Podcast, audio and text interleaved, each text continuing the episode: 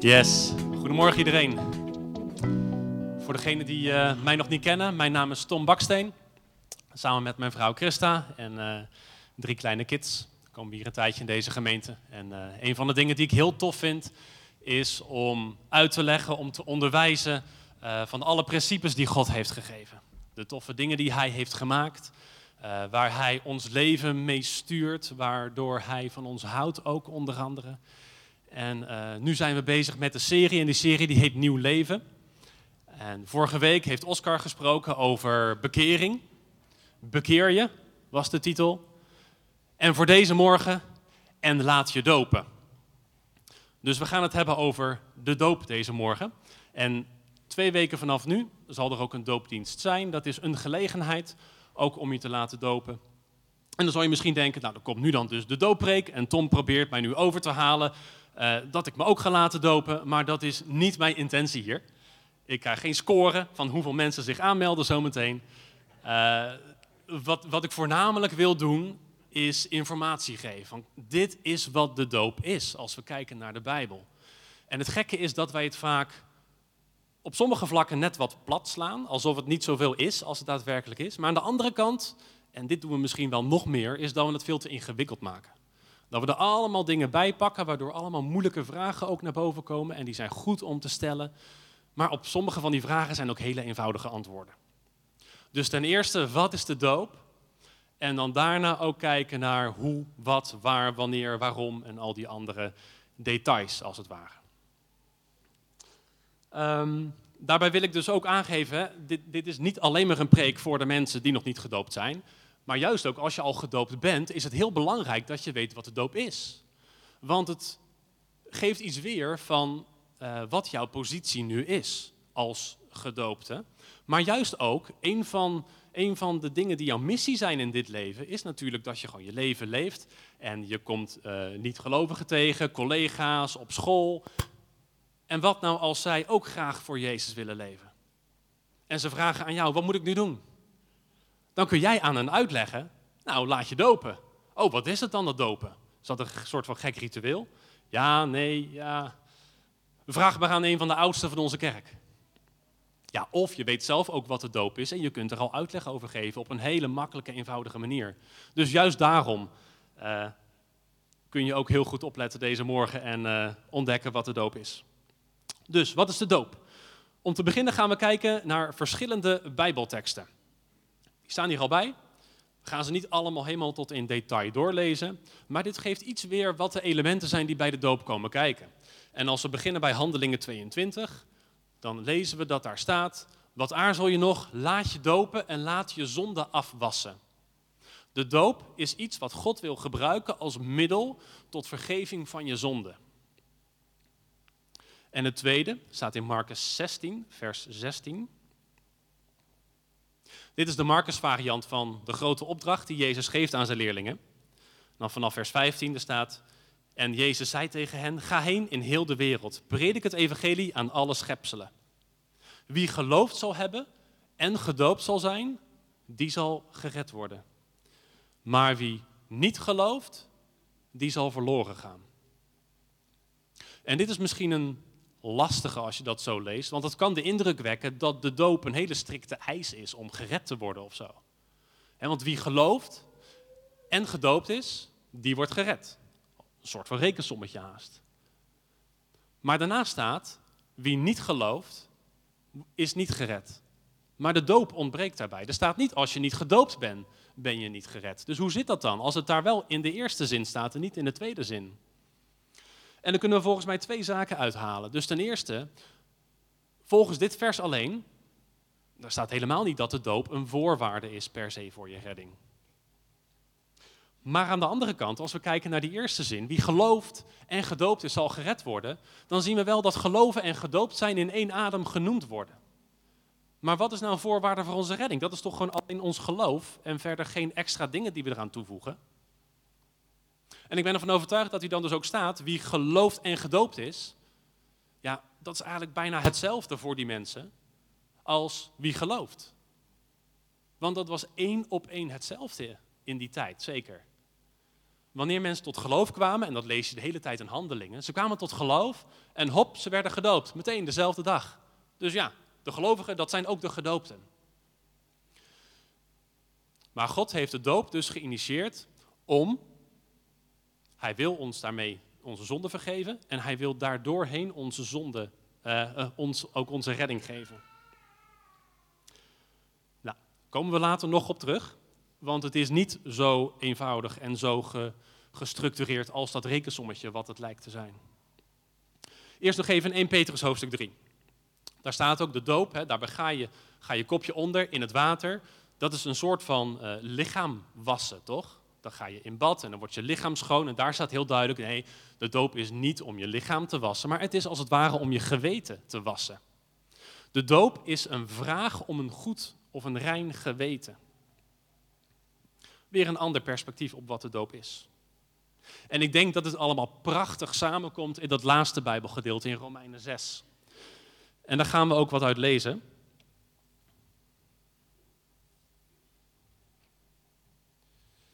Romeinen 6.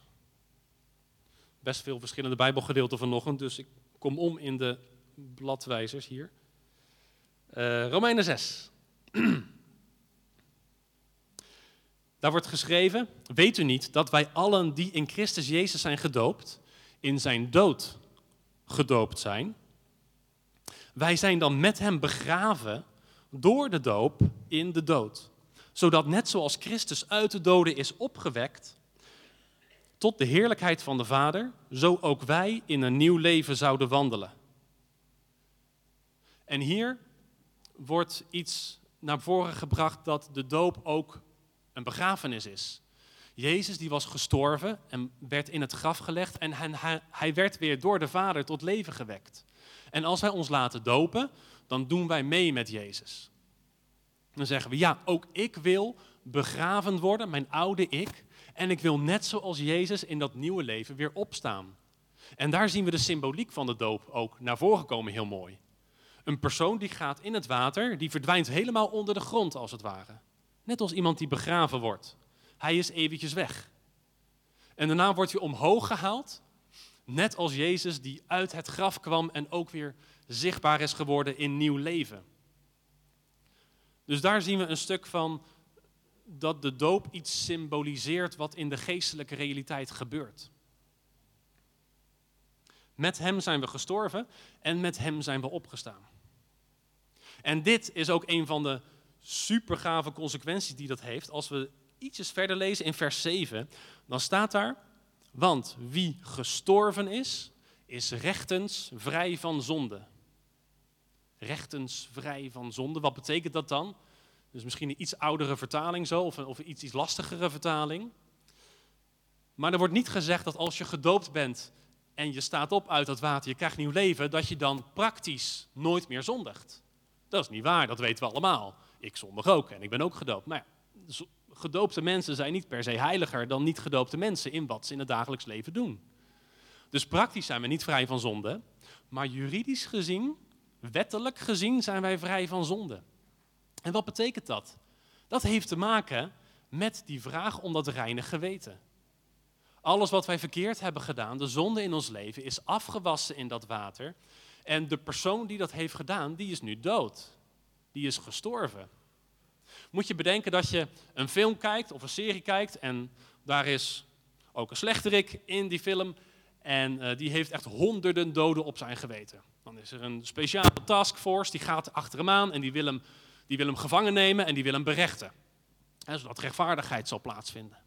Nou, ze willen hem arresteren en er komt een vuurgevecht en een van de kogels belandt in zijn hoofd. Nou, die persoon is dood. De bad guy is er niet meer.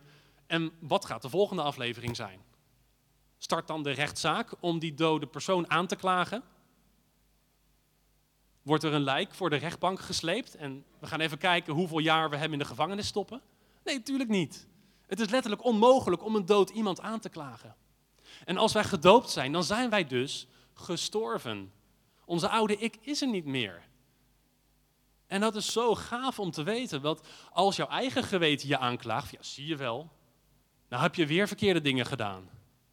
Of als je je aangeklaagd voelt door de tegenstander, dat heeft helemaal geen zin. Want het is er niet meer. Het oude is voorbij en het nieuwe is gekomen. En dat is wat dat juridisch vrij van zonde betekent. En dat is gaaf. En God gebruikt de doop als een middel om daartoe te komen. Nou, wat betekent dit alles? Dit betekent niet dat als je niet gedoopt bent, dat je dan niet gered zou zijn. Dat betekent ook niet dat je zonden dan nog niet vergeven zouden zijn. Of dat je dan nog niet gestorven zou zijn. En dit is het lastige van de doop. Want God heeft het wel ontworpen om die dingen te doen in het leven van een christen. Maar we lezen zelfs ook in de Bijbel dat er christenen zijn die hebben de Heilige Geest ontvangen en die zijn niet gedoopt, maar toch zijn ze 100% christen. En wat doe je daar nou vervolgens mee? Hij mag nog één slide verder. Uh, sorry, nog eentje, eentje, terug dan. Als het goed is, komt er nog één uh, samenvattingje daaronder. Ja. Dit over de symboliek van de doop. Kijk, de doop is dus niet zomaar een uiterlijk symbool van iets wat in het geestelijke gebeurt. Want dan zou het zomaar een symbool zijn. En een symbool is in feite krachteloos, behalve de psychologische waarde die wij eraan toekennen. Zoals bijvoorbeeld mijn trouwring is een symbool van mijn huwelijk met Christa. Zit er kracht in mijn trouwring? Nee. Is God actief door mijn trouwring? Nee, ook niet. Maar soms denken wij zo wel over de doop. Ja, het is maar een symbool. De Joden hielden van symbolen, maar ik ben niet zo van het symbolische. Maar de doop is wel iets natuurlijks. Het is een natuurlijke daad wat een geestelijk effect heeft. Net als het avondmaal wat we net hebben gevierd. Ook een soort ritueel waar een hele krachtige geestelijke realiteit achter zit. En dat is het toffe van de doop. Gaan we verder naar Handelingen 2. Dan mag inderdaad de volgende slide komen. Handelingen 2 vers 38. Als uh, kind, volgens mij was ik een jaartje of elf, heb ik een rap aangeleerd gekregen in de kinderkerk. En dan was het zo, Handelingen 2 vers 38 zegt. Nou, ik ga hem niet helemaal voordoen. Want dat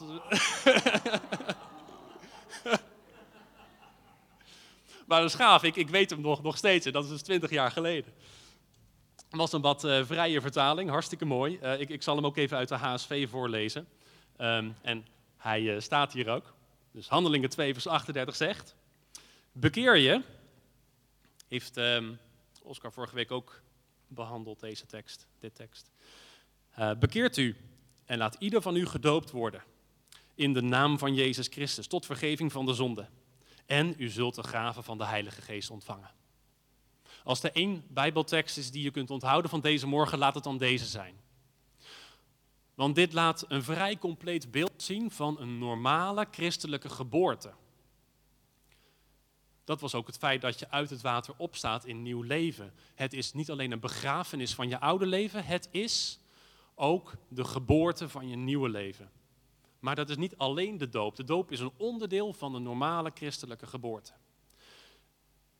En als je er een structuurtje omheen zou willen bouwen, dat zijn vier zaken. Ten eerste, bekeer je tot God. Ten tweede, geloof in Jezus Christus. Je laat je dopen en dan ontvang je de Heilige Geest. Dat is het 1, 2, 3, 4 van hoe God dat heeft gemaakt.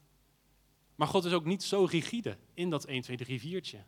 We lezen regelmatig ook dat er een hele andere volgorde wordt gehanteerd hierin. Sommige mensen werden gedoopt terwijl ze Jezus nog niet kenden en dan kregen ze later de Heilige Geest.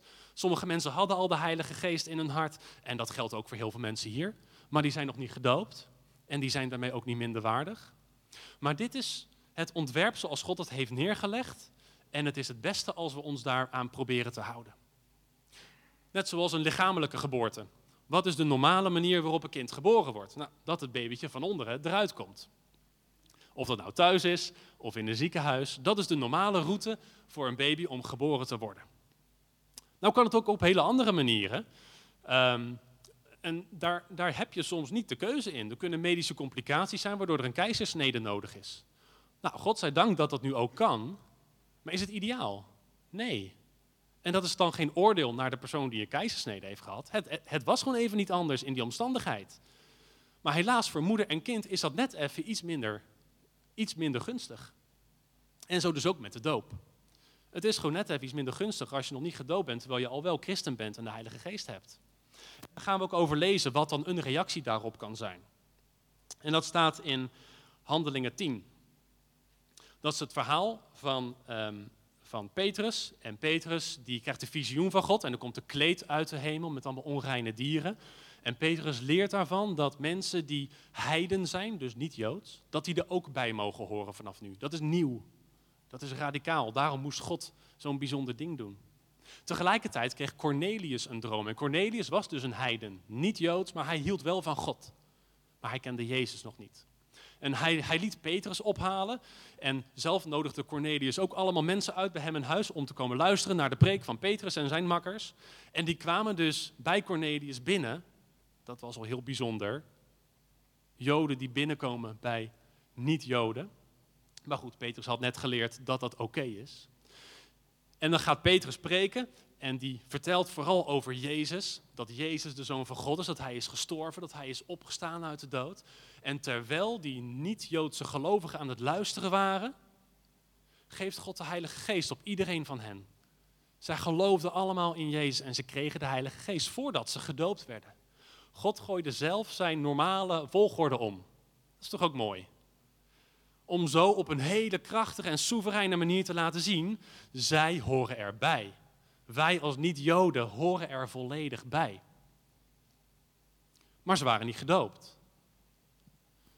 En wat zegt Petrus dan? Nou, laat dan de doop maar zitten. Ik bedoel, ze zijn al geboren nu als christen. Dan hoeven jullie niet gedoopt te worden. Nee, Petrus zegt, wie kan hen er nog van weerhouden om zich te laten dopen? Kom op jongens, we zijn dit niet gewend, maar dit is blijkbaar wat God aan het doen is. Wij gaan dit nu doen, wij laten hen dopen. En het staat er zelfs nog iets strikter. Petrus beval dat zij gedoopt zouden worden in Jezus' naam. Dus de normale christelijke geboorte kan in verschillende volgorde plaatsvinden. Maar goed, dan halen we de doop nu toch in, ook al zijn jullie al geboren. En ik denk dat dit ook een hele mooie kan zijn voor jouzelf als je christen bent en je bent niet gedoopt. Dat, dat, je, dat je misschien denkt, moet ik me nog laten dopen, ja of nee? Nou, lees dit nog eens rustig door voor jezelf. Ga eens bedenken, wat zou God hier dan voor willen, ook voor mij?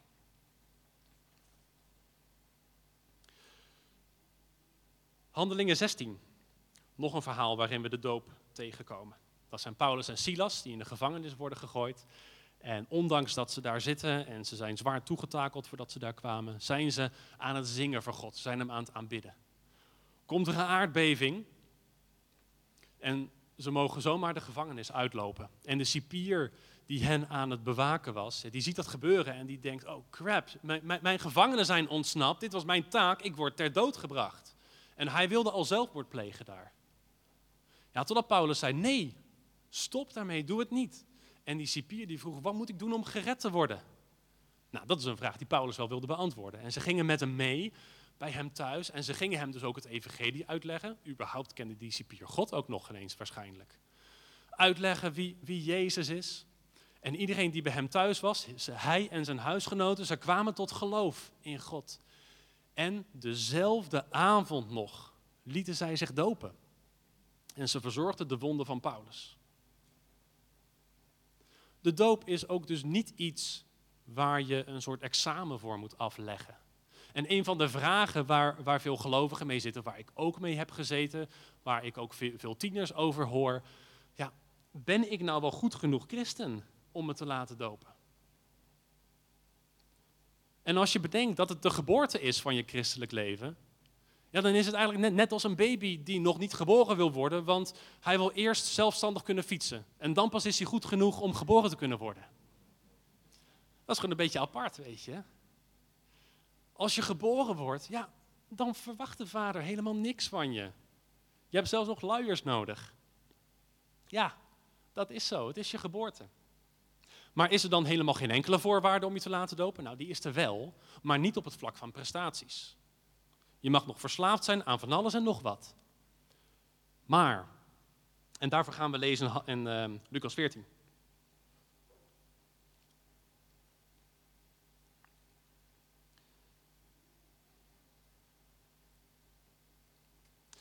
In Lucas 14, daar gaat het niet per se over de doop, maar wel uh, vertelt Jezus over wie wel of niet zijn leerling kan zijn. En daarin zegt Jezus, heel veel mensen volgden hem, ze gingen achter hem aan. Maar goed, waren ze echt een leerling van Jezus? En dat stelt Jezus hier op scherp. Hij zegt, als iemand tot mij komt en niet haat zijn eigen vader en moeder en vrouw en kinderen en broers en zusters, ja ook zelfs zijn eigen leven, die kan mijn discipel niet zijn. En wie niet zijn kruis draagt en achter mij aankomt, kan geen leerling van mij zijn. Nou, één triggerwoordje zit hierin, minstens één. Wie niet haat. Moet je je ouders haten? Moet je je familie haten? Nou, heel veel uh, theologen zijn het, zijn het wel over eens wat daarmee bedoeld wordt.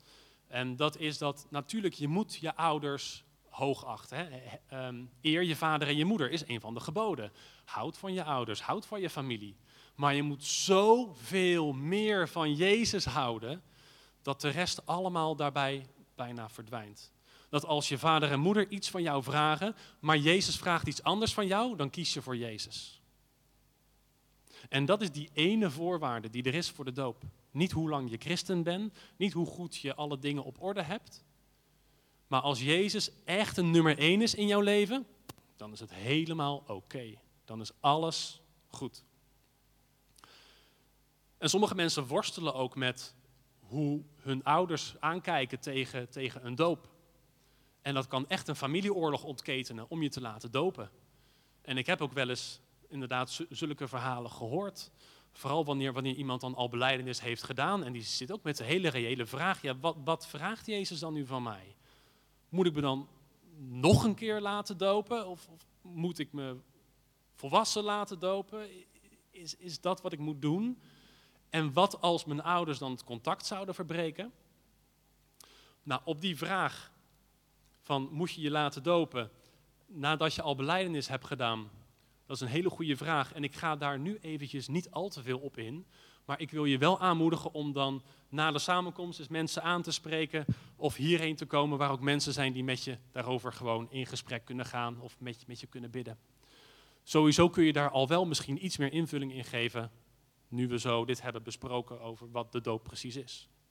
Maar de vraag, Jezus, ja, ik ben er eigenlijk van overtuigd dat Hij wil dat ik me laat dopen. Maar mijn ouders zouden het verschrikkelijk vinden. Wat moet je dan doen? Ja, als ik dit gedeelte lees, denk ik toch dat je voor Jezus moet kiezen.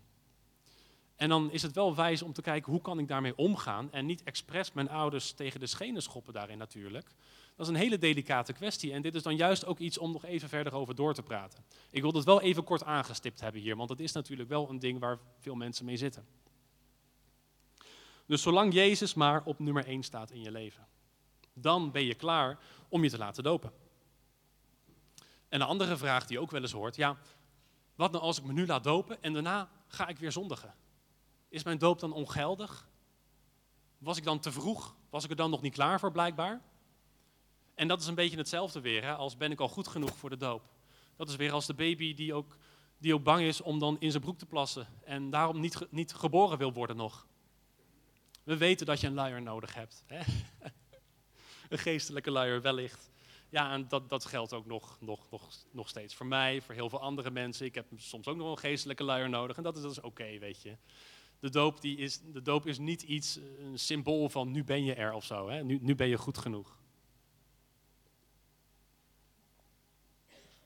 Yes. Hey, misschien vond je het tot nu toe wat uh, ingewikkeld. Um, als dat zo is, dan mag je er nu weer bij komen, want ik wil het juist ook weer heel makkelijk maken. Even kort samenvatten. Uh, dus twee soorten samenvattingen. Kijk, die eerste, dat is de doop, is de begrafenis van je oude ik. Die leefde voor zichzelf.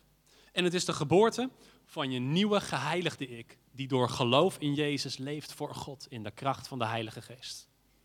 Het is de begrafenis van je oude ik en de geboorte van je nieuwe ik.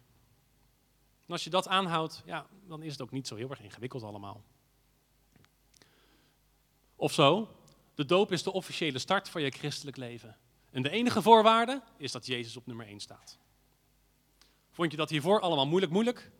Onthoud dit en dan eh, ben je er ook. Dan wil ik mijn laatste, mijn laatste tijd besteden aan de andere randvragen. Uh, van hoe laat je dopen, waar laat je je dopen, hoe ziet dat er dan precies uit?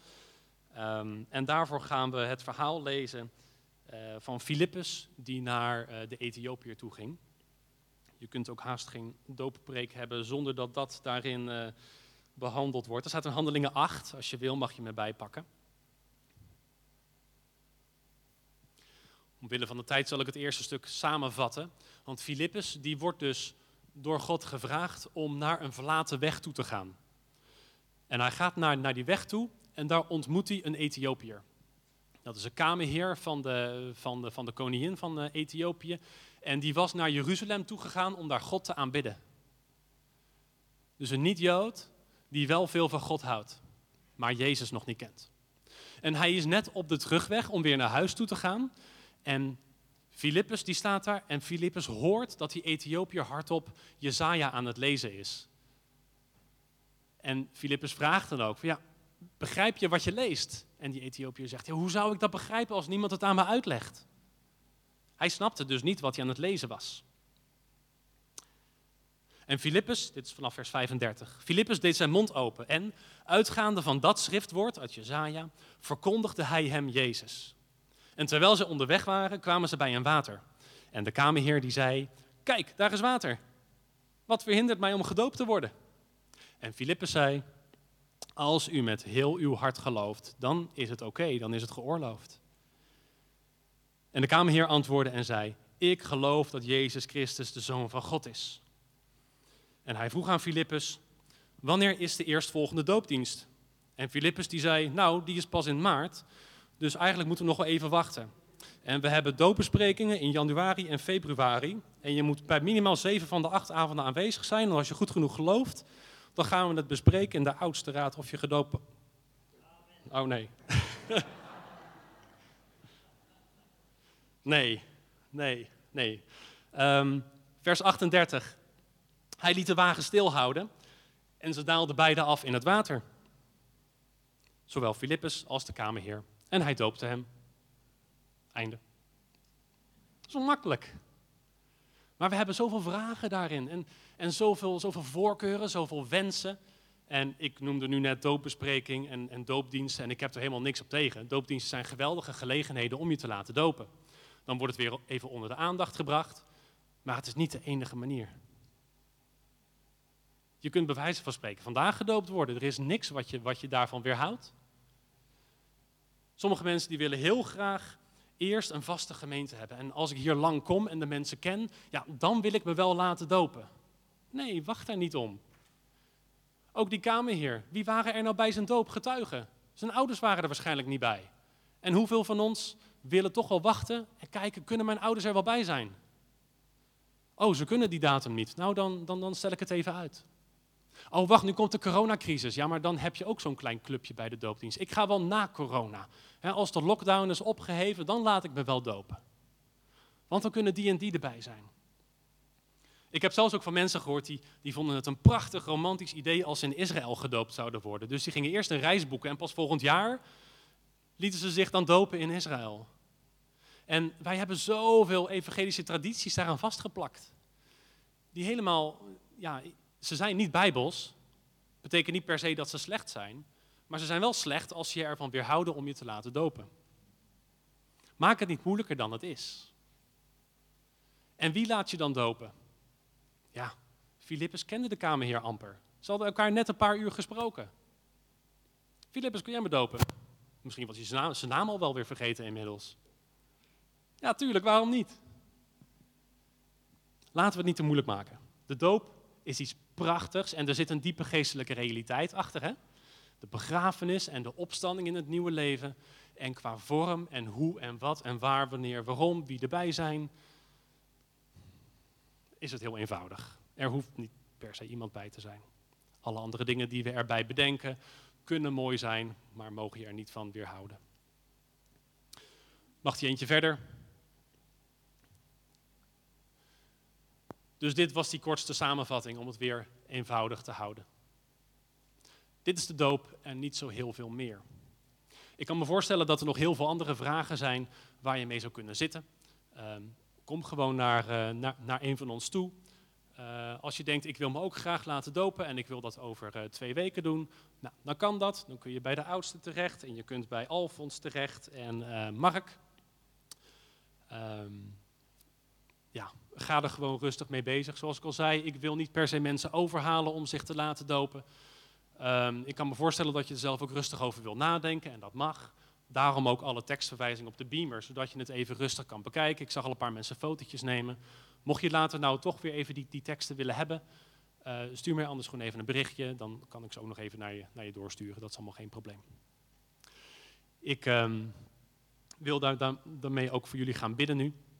En dan uh, sluiten we het uh, onderwijs van vanochtend af. Vader God, u, u bent onze grote koning en Jezus, u bent onze held. U die, u die vrijwillig aan het kruis bent gegaan voor ons. U bent gestorven en opgestaan. En wat geweldig ook dat u zoiets als de doop heeft gegeven. Dat wij met u kunnen sterven en met u kunnen opstaan. En ik bid voor iedereen die gedoopt is, dat ze dat ook uh, uh, mogen beseffen en dat kunnen uitleven. Het feit dat ze gestorven zijn. Hun oude natuur is weg, hun oude identiteit. En dat er geen aanklacht meer is. En ik bid voor de mensen die met hele gezonde vragen zitten rondom de doop. Heilige Geest, wilt u daarin, daarin ook uh, uw licht schijnen en waarheid geven? En wilt u ons helpen ook om elkaar daarin op een goede manier te helpen? Zo zegen ik jullie in Jezus' naam. Amen.